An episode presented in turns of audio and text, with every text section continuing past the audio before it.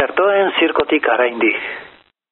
Koronavirusaren txertoen inguruan, zirko ederra antolatu dute azken asteotan. Kontraesanak, norabide aldaketa etengabeak, erabaki ulergaitzak. Konfiantza hartzeko moduko giroa gaizu. Horrekin, distraitutan hasi nahi bagintu zen, benetan lortu dute. Etakit hori zen asmoa, baina egia esan, badira beste eztabaida interesgarriak txertoen kontu honetan. Eta nire ustez ulertezina da, hauek plazan hain leku gutxi izatea.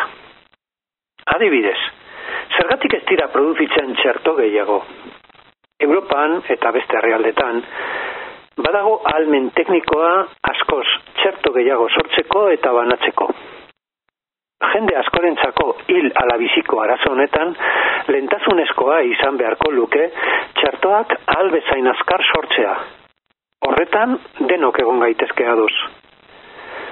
Kontua da, farmazia enpresa jakin batzuek daukatela patentea, txertoa garatu dutelako, eta hoiesek adi dira, beren kontrolpean txertoak sortzen.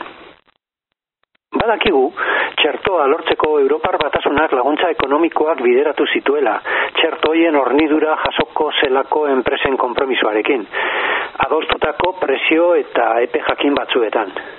Baina ikusi dugunez, enpresa horietako batzuk ez da orde hartutako konpromisu hori bete.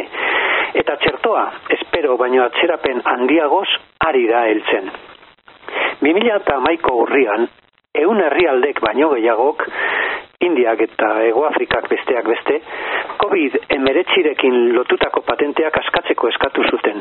Pandemiari mundu mailan aurre egin alizateko merkataritza mundu erakundean aurkeztu zuten eskaera. Amerikako estatu batuek, Europak, Japoniak eta beste batzuek ez zuten proposamena onartu.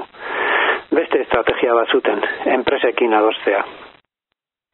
Bitartean, jende gehienari, denbora luzean eta modu askotan, izugarrizko esfortzua eskatzen ari zaigu gaizotasunari aurre egiteko askatasun murrizketa handiak, galera ekonomikoak askorentzat, krisi larria hainbat sektoretan.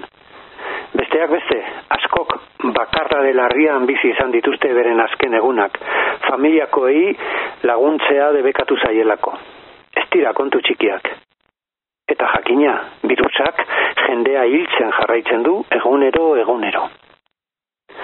Aparteko neurri larria jasan ditugu denok dago motibo nahikorik neurri larri hoiek ere txertoaren produkzioan eta patenteetan ezartzeko? Enpresa interesak guzti guztiaren gainean daude? Beti, izan ere, bai Espainiar estatuko legediak, bai Europako legediak, patenteak askatzeko aukera zabaltzen dute egoera larrietan. Hau ez alda egoera hoietako bat? Ezin dut ulertu nola honen inguruko eztabaida ez dagoen eguneroko kalean, eguneroko komunikabideetan eta abarretan. Gehien non interesekoa da.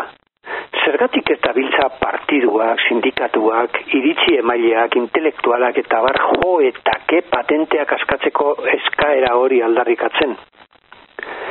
Uler dezaket oso ondo batzuen naia eztabaida hau itzaltzeko, etzaielako interesatzen. Egoera honetan ezin dut ulertu aldiz beste askoren isiltasuna eta epelkeria.